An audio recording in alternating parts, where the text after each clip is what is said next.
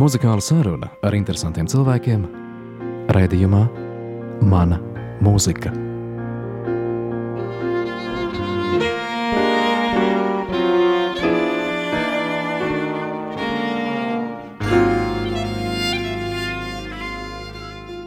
Radījumā mana mūzika viesojas gan mūziķi, gan ar mūziku nesaistīti cilvēki. Nu, šajā reizē ir sanācis tā, ka ir gan ārpus mūzikas teritorijas pārstāvis, gan arī tāds cilvēks, kurš mūziku izzina, izpēta un varētu teikt, eh, preparē un rod jauns uh, risinājums no iekšienes. Edgars Eichmanis tā varētu daudziem klasikas klausītājiem būt terra incognita, kaut gan vienu no taviem muzikālajiem centieniem mēs klasikā esam raidījuši, un tā ir Mona Debo, kur to ar Edgars Rubeni esi spēlējis visnotaļ netradicionālus un rosinošus skaņdarbus. Bet, nu, protams, sākumā sveicināts Edgars.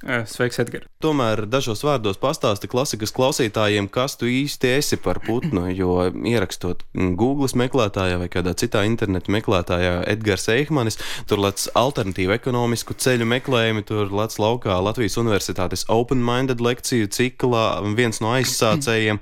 Tavs Twitter profils ar gan humoru pilniem, gan arī introvertiem tvītiem. Kaut gan šķiet, tu neesi dižākais sociālais provokators tīmeklī. Kas tu īsti esi un no kurienes tu nāc?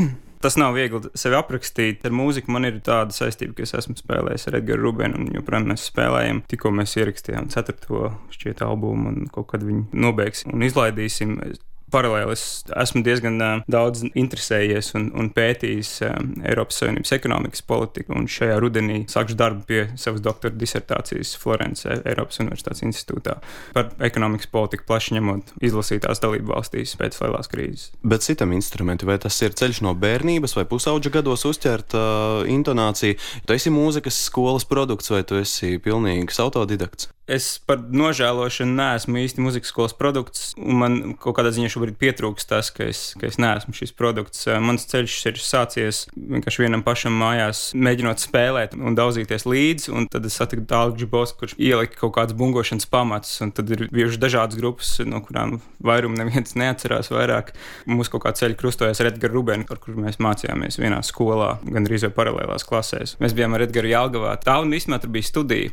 Viņa sieva taisīja tādu studiju, kur dažādus instrumentus varēja apgūt, nosīt ne akadēmiski, vai dru, drusku citā veidā, ar citu pieeju, bet, nu, kas saistās ar bungām, tur vienkārši tāls deva stundas, un es pie viņa gāju kaut kādus pāris gadus. Būtībā tas joprojām mani definē, lai arī es esmu diezgan tālu no tās spēlēšanas, kādu tieši tālus proponēju tajā laikā.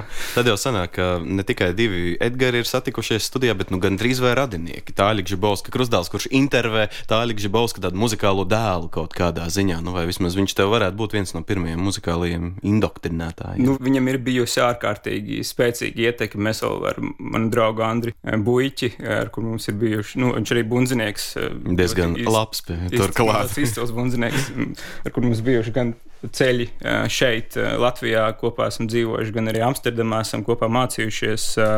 Viņš arī ir pie tāļu, un mēs joprojām atceramies, cik šī pieredze bijusi definējoša mums gan, gan tīri cilvēciski, gan muzikāli. Vienu esam noskaidrojuši, tu neesi ārpus mūzikas, nu tās pašas ekonomikas pārstāvis, kurš varbūt reizēm veldzējas mūzikā un kuram tā ir nepieciešama ekskluzīva atslodzība, prāta atpūtināšanai vai varbūt fonam kaut kāda darba darīšanas laikā. Nē, es īstenībā diezgan principiāli neklausos mūziku kā fonu fonu.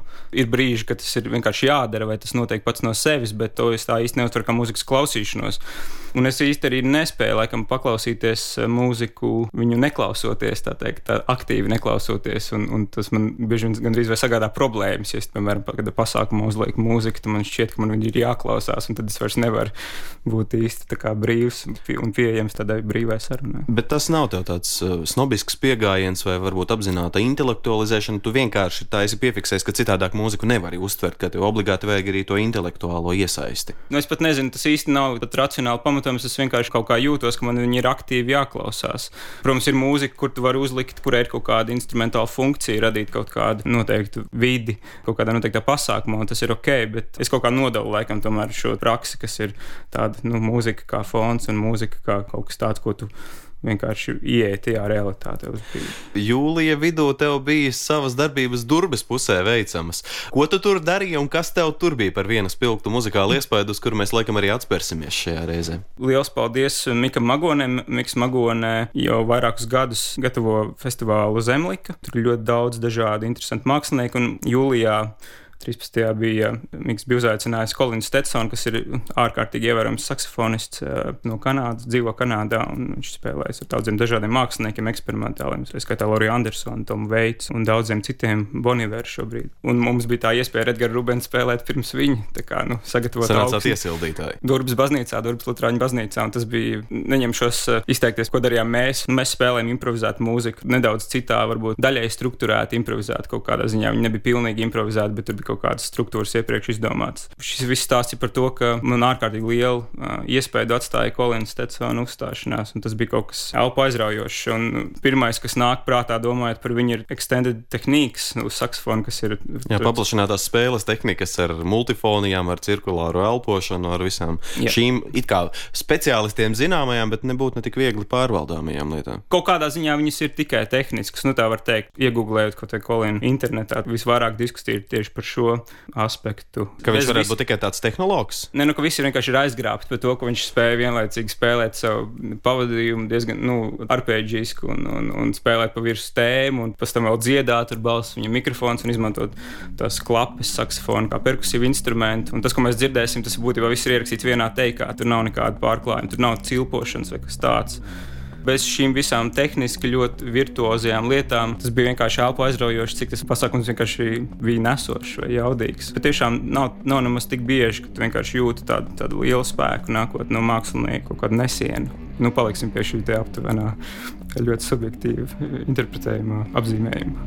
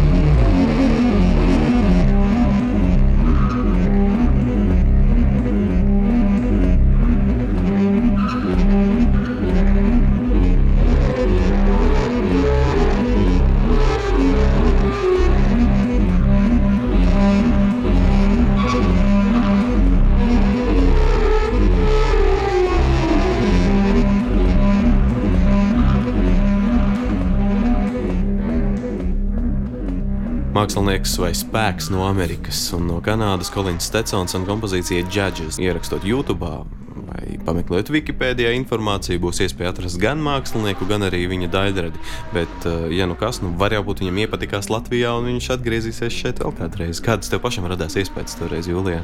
Viņam bija tāda vasaras tūrīte, un uh, šis bija pirmais koncerts tajā tūrē. Pēc tam viņš brauca uz dažādām Eiropas vietām, diezgan tālu viena no otras. Viņš bija diezgan uh, pārsteigts, ka viņam bija puķis atnests.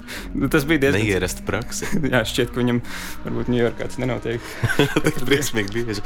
Bet toties ierasta praksa ar ziedu saņemšanu parasti gadās Sigurdam Kļāvam un Latvijas radiokoru māksliniekiem, lai ko viņi dziedātu un lai kur viņi dziedātu. Es pieļauju, tu varētu tikt uzskatīts par šī kolektīva stabilu fanu es varētu tikt uzskatīts par šī kolektīva stabilu fanu. Es nevaru teikt, ka es, es būtu bijis uz visiem koncertiem. Es esmu diezgan aktīvs klasikas klausītājs, un man ļoti patīk viss tā pieeja, ko dara Kaspars Putniņš un, un Sigvards Kļava. Un, un, un tie, un tā, tās divas pieejas būtībā. Jā, tās viens... divas pieejas, jā, tā nopietnība, ar kādu viņi pieiet mūzikai, un tā kaut kāda atbildība, ar kādu viņi pieiet mūzikai, un kaut kādā ziņā tas prasīgums pret sevi, pret dziedātājiem un pret kaut kādā ziņā pret klausītājiem.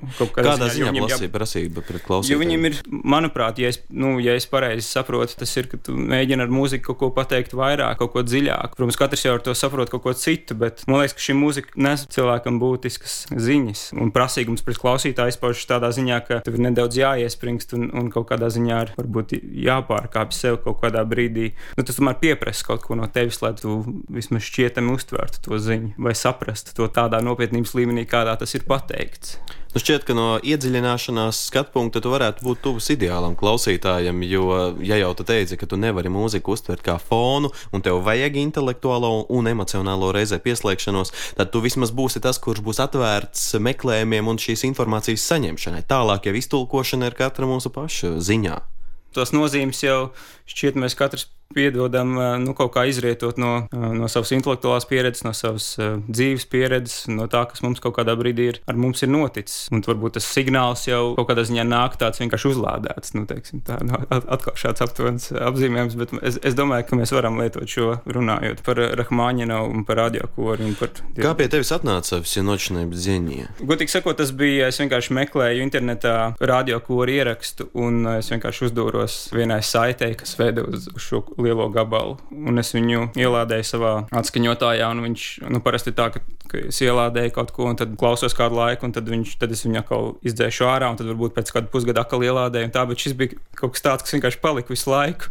Un, Cik daudz var klausīties šo vienu lielu darbu? Es viņu klausījos kaut kādās tādās nedēļu beigās. Tas varbūt svētdienā, nu, svētdienā vienkārši parasti tā diena, kad vismazāk kaut ko izdara. Kad ir kā pēc uh, kristīgās baznīcas domām arī nav nekas daudz jāizdara. Nu, jā, nu tā konotācija nāk, bet nu, svētdien arī ir tāds vienkārši darba nedēļas beigas, un tad tu kā kaut kur aizbrauc un vienkārši staigā, un nezinu, galva ir nogurusi no, no ekonomikas politikas un kaut kādām tādām racionalizēšanas, kaut kādiem konceptiem, un tad tu vienkārši uzliec kaut kādu mūziku, un tu vienkārši ieej kaut kādā citā realitātē, un atkal tā mūzika šķiet, ka tev kaut kur viņa vienkārši kaut kā nes, tas kods un tā jauda ir, nu, jā, nu, tas ir kaut kādā ziņā kaut kas neaprakstāms, jā. Kaut kādā ziņā šis ir viens no, no augstākiem punktiem šajā stundā, no tiem gabaliem, ko es esmu izvēlējies. Arī no tiem māksliniekiem, ko mēs vēl klausīsimies, kaut ko katram var pārmest. Viņi ārkārtīgi svarīgi, man viņi personiski bijuši tuvu, bet, bet tā tīri intelektuāli, ja mēs vērtējam mūziku pēc kaut kāda lieluma vai pakāpēs, viņiem nu, viņas kaut kā var iedalīt, viņiem var kaut ko pārmest. Bet šī mūzika šķiet kaut kādā ziņā man ir ārkārtīgi liela pietāta pret viņu, un uh, kaut kādā ziņā pat grūti kaut kā tā vērtējoši pret viņu izturēties. Nu, ko epizode no Sergeja Rahmaņinova, Sinočnē Bdziņie, Latvijas radio koris un Zigvards Kļava.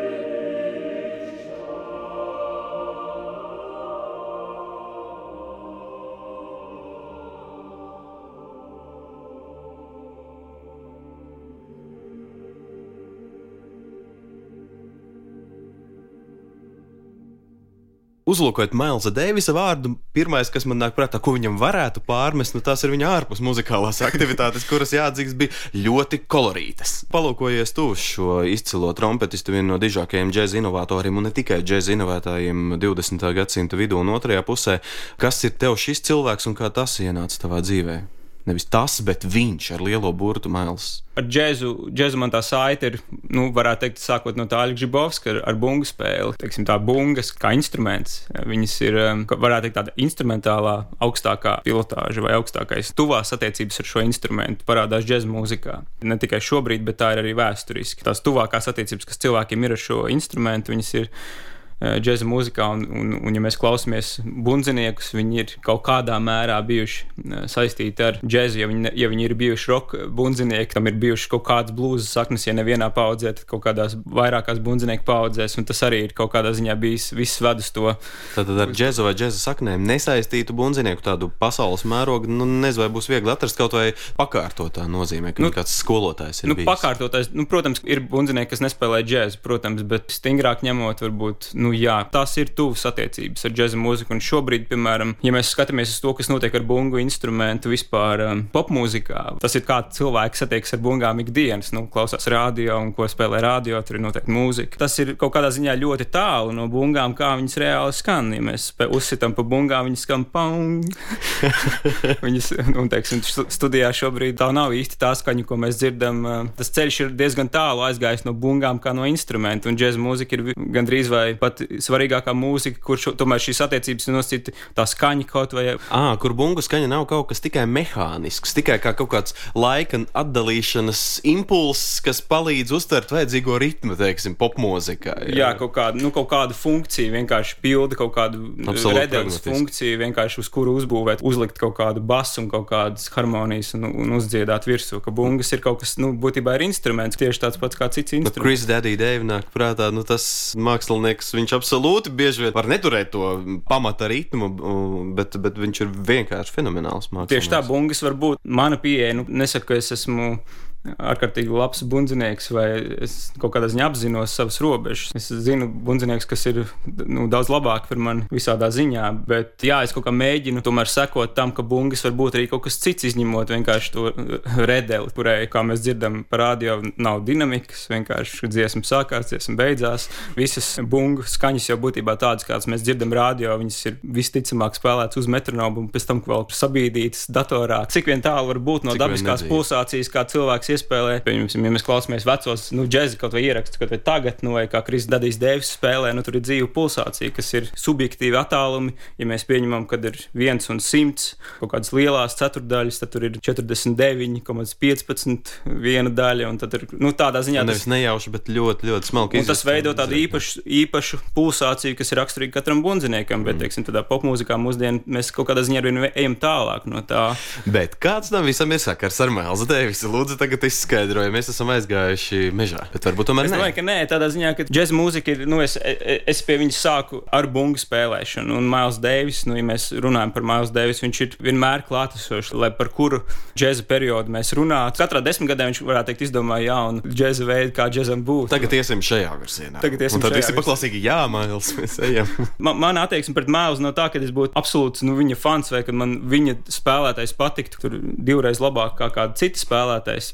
Tā nebūtu nav, bet drīzāk nu, viņš vienkārši ir tik klātesošs, ka viņš ir gandrīz vai tā tāds ceļa stabiņš vai, vai atskaites punkts. Un vēl viena lieta, ko es gribētu uzsvērt, ka viņš kaut kādā veidā prata vienkārši savākt tos visus mūziķus, kas katrā no tiem periodiem bija vislabākie, un vienkārši viņi spēlē ar mēlus. Un būtībā ir pat tagad vēl kaut kādi cilvēki, kas ir aktīvi, saka, no Kīta Jareta vai Herbija Henkuka vai, vai Džeka Džunets, kas, kas 70. gadu sākumā spēlē ar Mēlus Deivis. Nu, viņam bija tas uh, uzstādījums, ka es vienmēr turos ar jaunajiem, nu, tādā ziņā viņš pats paliek jauns, un tur var kaut kā domāt par to, cik viņi iet tie jaunie ar idejām. Es nezinu, viņš izvilka tur Toniju Viljams, absolūti ģēniju, 18 gadīgi vai 17 gadīgi. Pat viņam tajā laikā bija, kurš viņš spēlēja. Tas bija tādas apusēji simbiotiskas attiecības. Tur bija kaut, kāda, īpa, kaut kas īpašs, jā, ka viņš ņēma no viņiem un tie pašā laikā ar mēlus vienkārši tie mūziķi sāk spēlēt vēl labāk. Nu, kaut, kaut kas notika tāds, kas nenotika viņiem, viņu ierakstos. Un, un šajā, ko mēs klausīsimies, tā izvēle ir negribējās iet tajos ierakstos, kas jau ir daudzkārt dzirdēts. Šis varbūt ir mazāk dzirdēts ieraksts un prom no tādas svinga tagad džēzi. Jau pēc tā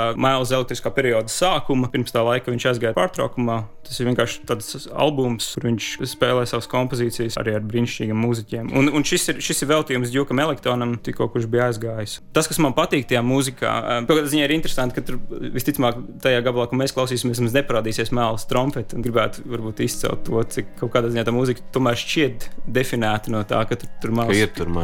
Ka mēls ir un ka tā ir viņa noskaņa tur ir. Jā. Mm, fragments no Mēlza Dēvisa He loved him madly.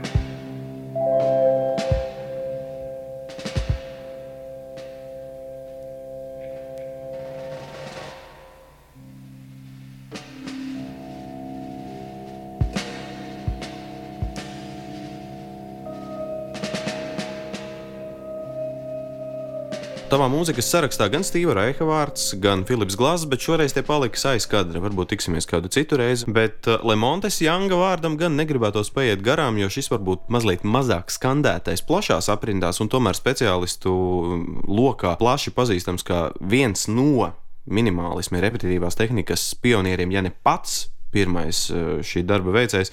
Lemontes Janga vārds, kā vēsta piebilde tavā sarakstā, ir svarīgs ne tikai tev, bet arī tavam vārdu brālim un tavam ansambļa biedram Edgaram Rubenim. Kāpēc? Mums kaut kādā ziņā tas, tas fokus ir vairāk aizgājis uz skaņu, kā ilgstošu parādību. Vienkārši viņi nemainās, un tādā ziņā tas ļauj tev ieskatīties viņā ciešāk. Un, un tur ir skaņa, kā Es, es neieliku Mortonu Feldmanu, bet man kaut kādā ziņā viņi iet. Tas varbūt ir drusku kaut kas cits, bet tur arī nu, tas ir tas pats. Um, Skaņas un laika attiecības viņiem varētu būt uh, savā veidā paralēlas, uh, valkošas. Jā, kaut kā tāda realitāte vienkārši kas ir. Un, piemēram, Feldmanam bija tas gabals Marka Rotko. Tam, uh, Rotko Chapel. Jā, nu, tādā ziņā mēs iedomājamies kādu Rotko darbu, un tad vienkārši šāda mūzika, kas vienkārši ir esi un viņā skaties, un, un kaut kas ar tevi varbūt notiek. Vai nu tevi ir ietekmējis Rubiņa sonoloģijas ceļš, vai tu esi uzvirzījis viņu uz šī ceļa. Katrā gadījumā jums abiem diviem interese par dronu žanru ir ļoti cieša. Kas tad jūs tur tik ļoti fascinē? Mums bija tas iepriekšējais albums, vai aiziepriekšējais spēles ar tevi, un, un, un tur bija drons, tāds kaut kādā ziņā tāds modernāks drons, kā, kā skaļas ģitāras, kā tāda ģitāra realitāte. Un, un tagad viņš arī varbūt arī daļa studijām Hāgas eh, konservatorijā, karaliskajā. Viņš ir aizgājis varbūt tādā tuvākā pētniecībā. Paņemam mikroskopu un skatāmies. Jā, nedaudz skaņa kā tāda. Viņa nevie, ne, nav nepieciešama ārkārtīgi skaļa, bet viņa var būt tāda kaut kāda nu, ļoti. Domā, var dabūt izpratni par šo rubeņa mm, ieceri vai viņa interesi skatoties to The Temple of Sound? Jā, ļoti, ļoti man patīk tas ieraksts. Edgars Rubens un, uh, un Ivars Arutjunians divi tā um, ārkārtīgi spēcīgs bundzinieks. Iespējams, Latvijas bundzinieku, nu, varētu teikt, avangards pats savu tikko pabeidz Dānijas konservatoriju. Viņi ierakstīja pirms vairākiem gadiem, bet viņi tikai nesen izdeva to ierakstu skaņamešu tāds, tāds liels ceļojums. Un tur, ir, tur ir diezgan labi pētīt šīs skaņas attiecības. Mēs diezgan daudz šobrīd arī darām to, ka mēs vienkārši, vienkārši mēģinām spēlēt klusāk un, un skatīties, kā mainās skaņas eh, tekstūra no tā, ka vienkārši viņi ir klusāka, vai kā mainās no tā, ka viņi, viņi ir skaļāki, vai, nu, vai kaut kāda eksperimentēt ar kaut kādām instrumentu skaņām, e ekstrēmu klusu spēlēšanu. Mums ir daži gabali. Kāpēc tā? Tas ir mums matos metas jau. Nē, nē, nē. Jaušas. Es domāju, ka tas vienkārši ir interesanti. Edgars Rubenis un Ivars Arķņjans. Šie vārdi paturami prātā, bet uh, Lemontes Younga saistība un tieši viņa kompozīcija 1960 times 7, kas ir tavā sarakstā, kā tā ir ietekmējusi tevi, kur tu viņu sastapi. Es esmu klausījies šo komponistu, un, un šis darbs nav konkrēts ar, ar to, ka nu, tieši šis darbs vienkārši kaut kādā ziņā ir ilustrācija kaut kādai saknei, kas nav tagad, bet kas ir notikusi pirms kāda laika kur vienkārši ir tādā pre līmenī, vienkārši dzirdam kaut kāds koncepts, kas man šobrīd šķiet tuvs.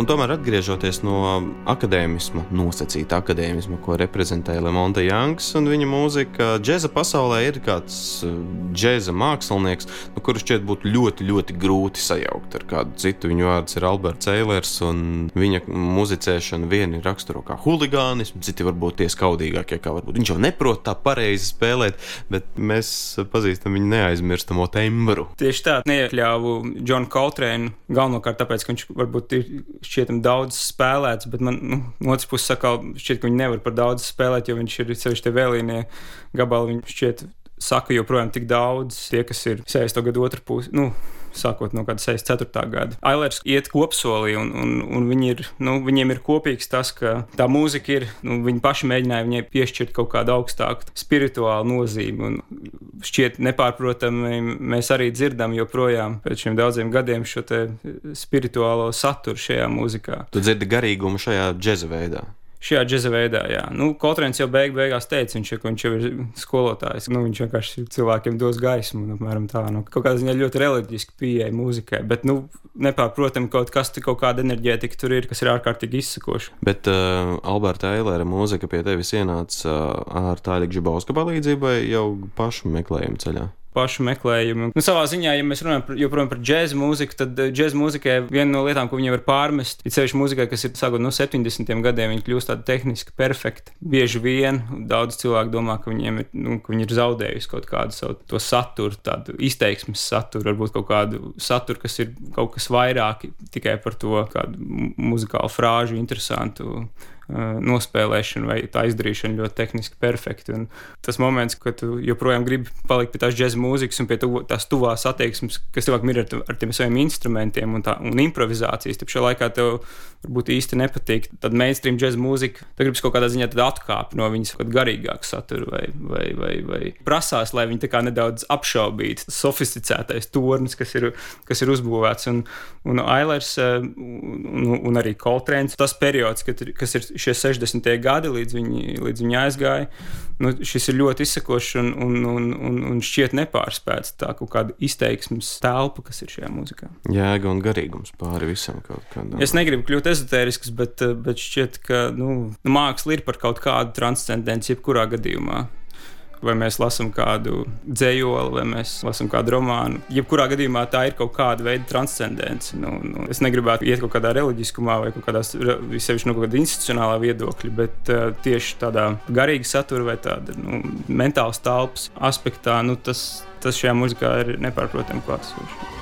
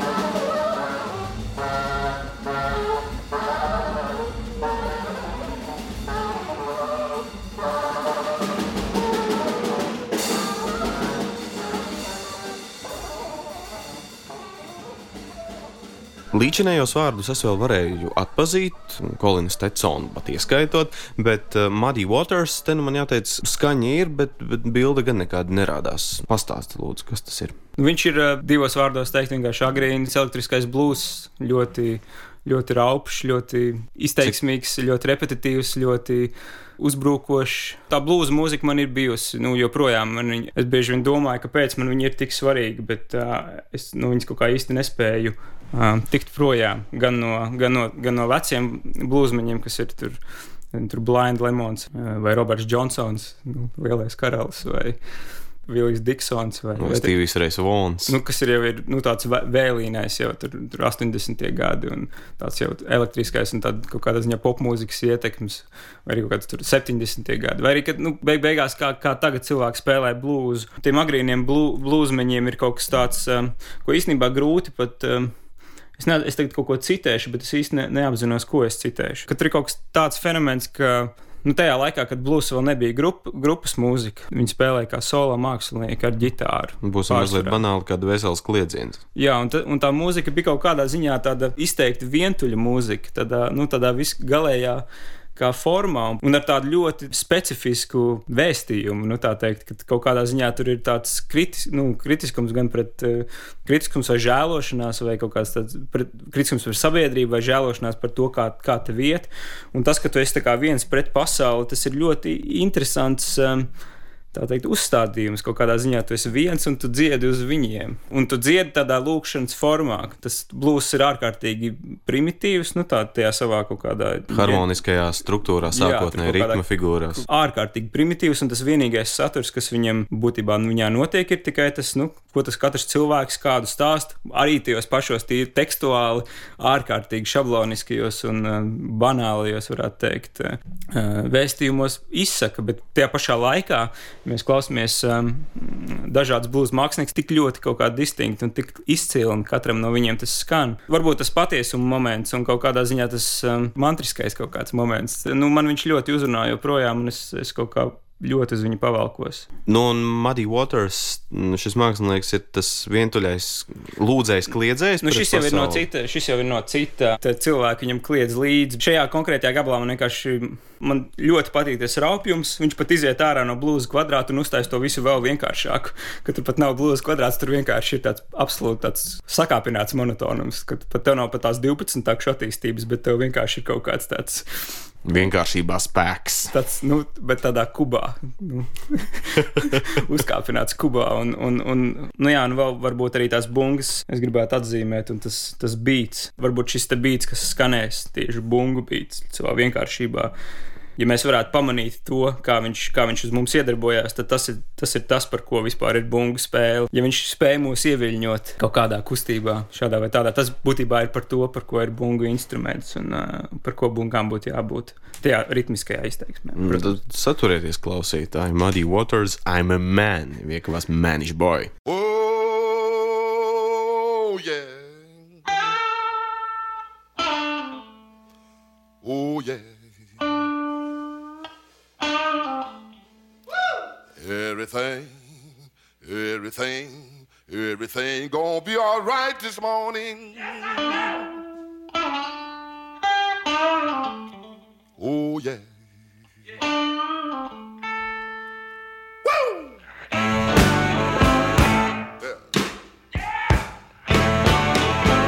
Now, when I was a young boy, at the age of five, gonna be the greatest man alive. But now I'm a man, way past 21. I want you to believe me, baby. I have lots of fun. I'm a man. I spell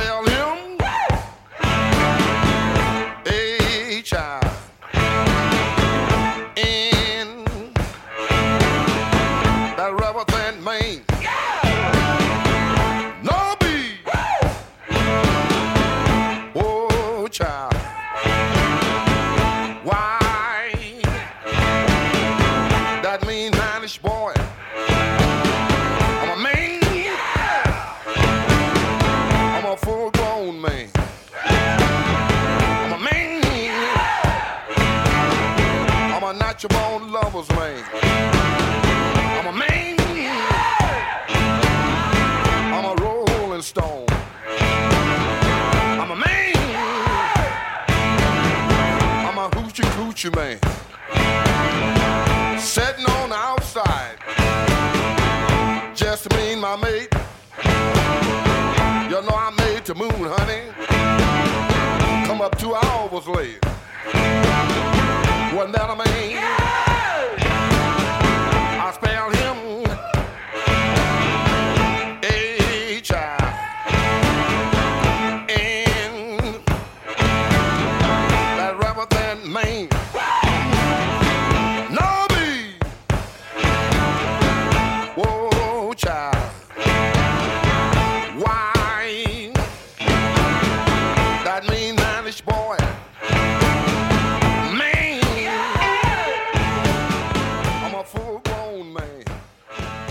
Līdz šim vairāk vai mazāk muzikāli stāsti par citiem, par tiem māksliniekiem, kas tevi ir ietekmējuši, tādā veidā arī, protams, par tevi.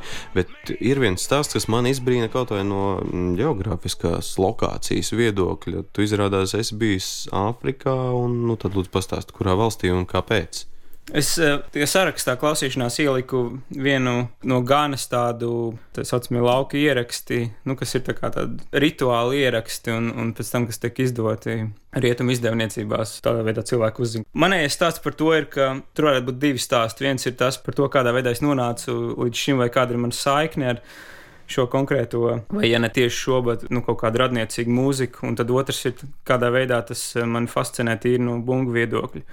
Attiecībā uz pirmo, uh, vienkārši pirms, pirms desmit gadiem es biju meklējumos, um, aizklīdis uz, uz Āfriku. Man bija tāds uzstādījums braukt uz gadu projām. Un Es tur visu kaut kur dzīvoju, Itālijā, kaut kādās nelegālajās kopienās, tur ar nelegāliem imigrantiem, kas tur brauc ar laivām uz Itāliju pār tam jūrā. un tad Tur Un tā, un tad, tas ir kā Sansols. Beigās es nonācu Āfrikā, um, Ganā un diezgan turisma industrijā. Grūti aizsniedzamās vietās, kur bija, uh, var sakot, viens cilvēks man paņēma uz savām mājām, uz kalniem, kur bija nu, kalnos kaut kādi 14 ciemati, un tur vienam no tiem ciematiem bija nomiris virsaitis. Un, uh, un tad tas bija visu nedēļu bērnu svinības, uh, dažādi pasākumi, kādā veidā tika atzīmēta viņa tā izvadīšana. Un tad tur bija Nu, viena izvadīts citā pasaulē. Jā, un tad es tur es atceros, es biju vienīgais baltais cilvēks, un viņam bija tas ārkārtīgs gods, un es uzņemts biju uz pieņemšanām pie vietējiem tiem virsēšiem kaut kādiem. Tur. Un šī mūzika ir bērnu mūzika, kurā tiek izmantots bungas. Tāds, viņiem ir tāds talking drums, ka viņi vienkārši spēlē bungas, un tā, nu, bungas kā Zināms, ir tas, nu, es varbūt kļūdos, bet viens no pirmajiem instrumentiem, kādā veidā mēs varam sazināties ar, ar citiem, un kādā veidā mēs nu, varam nodot kaut kādu vēstījumu citiem. Un, un, tad, un, un šeit viņi ar tām bungām nodeva vai atzīmēja noteikts dzīves uh, norises un pasākums. Un kāda Un- emocionāla iespēja uz tevi atstāja šī viesošanās? Nu, labi, eksotika, protams, vienīgais baltais cilvēks ciematā. Emocionāli tas viss, viss gads bija ļoti, ļoti intensīvs. Es beigās vēl dabūju tropisko malāriju un gandrīz nomiru šeit, in infekcijas centrā. Divas nedēļas tur. Bet eh, tas tā, nu, protams, kultūrālās pieredzes bija ārkārtīgi, ārkārtīgi spēcīgas. Varbūt pat ne, pat ne ganā, bet tajā melno kopienā Itālijā, kur es īstenībā visvairāk ar tiem ar, ar, ar ganiešiem un citiem rietumu afrikāņiem. Tā kā nu, dien, dienā dzīvoju pusgadu un, un, un gājām meklēt melnos darbus. Nu, melnos tas nozīmē nemaksā nodokļus. Ej vienkārši kaut kur stāvi un uh, kaut kādā celtniecībā vai tam līdzīgi. Iejoties tajā sētas otrā pusē. Ja mums Sēta. šeit ir tas labi, tad viņiem ir tur tas slikti, un viņi grib tikt šeit labi. Bet tu tagad to zini nevis tādā dekoratīvi primitivizētā viedoklī, ka, līmenī, kā es tev to pastāstīju, bet stipri līdz Jā, jā, saknēm. tieši tā. Viņi nu, ļoti atšķirās tas, ko, ko domā afrikāņi dzīvojot, piemēram, Ganā, ka viņi grib tikt uz Eiropu, un ko domā afrikāņi, kas dzīvo tajās Itālijas, um, ka viņiem, piemēram, ir uzturēšanās atļauja, bet nav darba atļaujas, un tad viņiem ir jāstrādā kaut kādi, jāmazgā automašīnas par kaut kādu niecīgu naudu, nu, nepastāvīgiem noteikumiem. Nu, ka viņi būtībā cieši un viņa ģimenes ir Āfrikā. Un tad ir vēl kaut kādi citi, atkal, kas ir dabūjuši tās darba atļaujas un kas strādā šeit. Un kas arī ir, nu, kam ir ārkārtīgi grūta dzīve, jo viņi visādā veidā nu, nav tādi integrēti bieži vien rietumu sabiedrībās. Un, nu, tie ir pilnīgi dažādi skatījumi tiem, tiem, tiem cilvēkiem, un kaut kādā ziņā viņi viens otru nesaprot. Nu, ja viņi nonāk tajā nākamajā līmenī, respektīvi, dabūjām darba atļauju vai aizbrauc uz, nezinu, strādāt uz Holandu, mazgāt traukus, tad nu, viņi kaut kādā ziņā var atskatīties uz to ceļu atpakaļ, bet uz priekšu viņi to ceļu nespēja iedomāties. Nu, ka dzīve varbūt arī salīdzinoši nav pārāk vieglāk, teiksim, nonākot kaut kādā veidā Eiropā.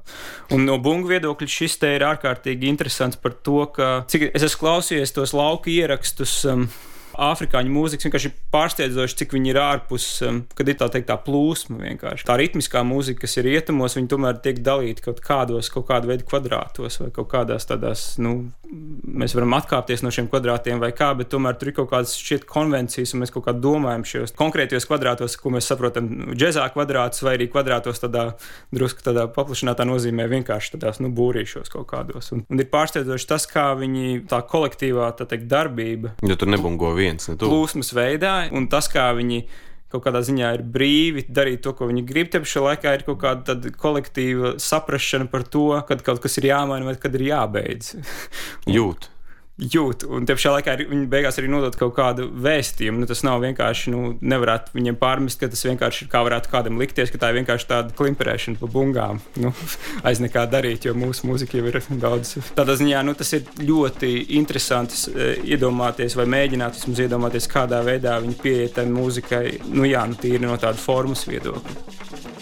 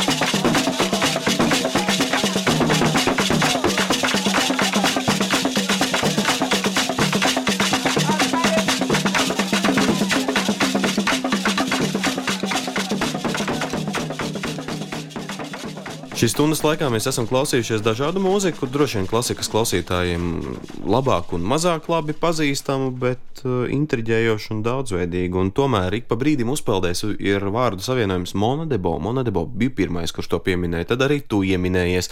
Tad uh, Edgars Rubens, kurš ir spēlējis arī ar Junjānu un visādi citādi izpaudies un šobrīd turpina padziļināti pētīt skaņu. Gribētos šo stundu tomēr noslēgt tieši ar Monas Debo muzicēšanu, jo es pieļauju, ka daļai klausītāju varētu tapt skaidrāks, kas tu esi. Nevis tavs CV un tavu darbu padarīto no padarāmā uzskaitījums, bet tas, kā tu redzi, jūti un dzirdi pasauli un pulsāciju šajā pasaulē.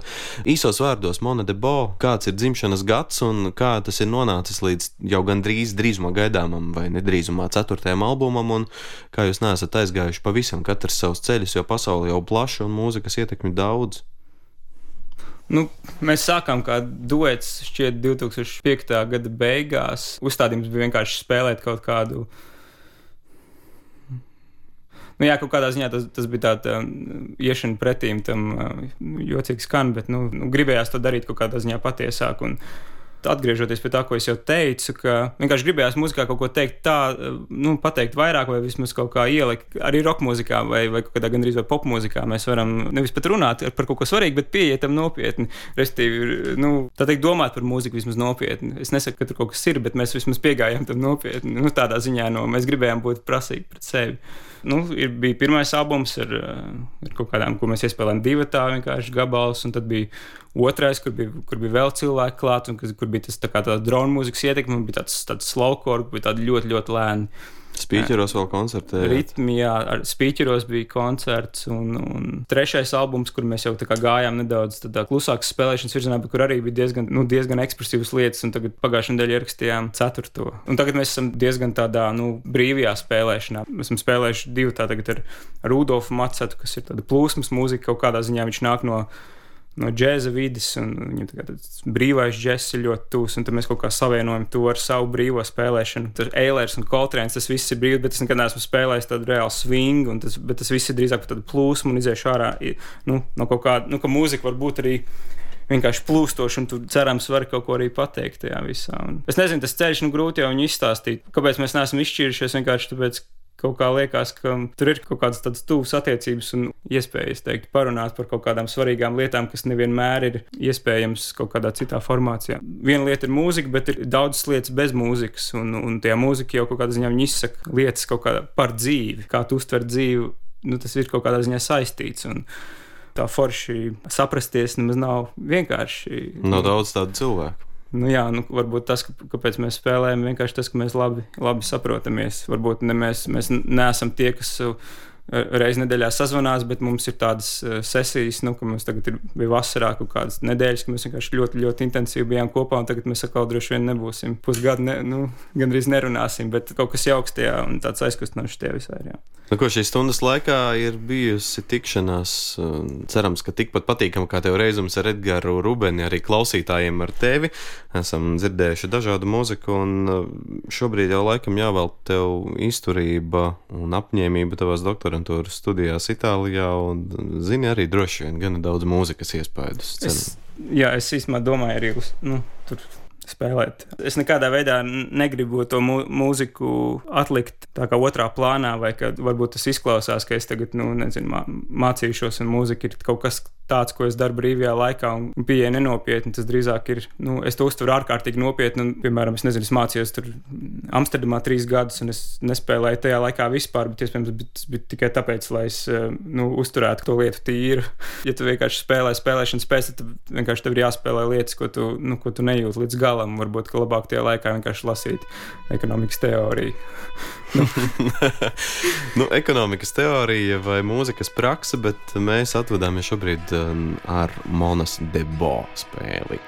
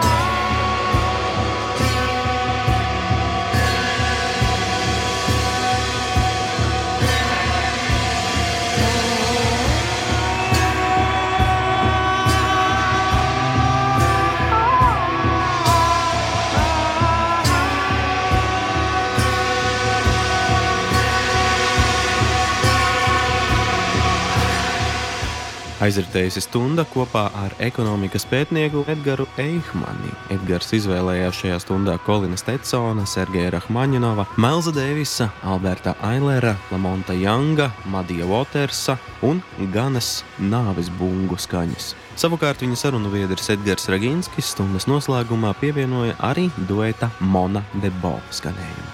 Tā bija kārtējā tikšanās raidījuma ciklā Mana mūzika.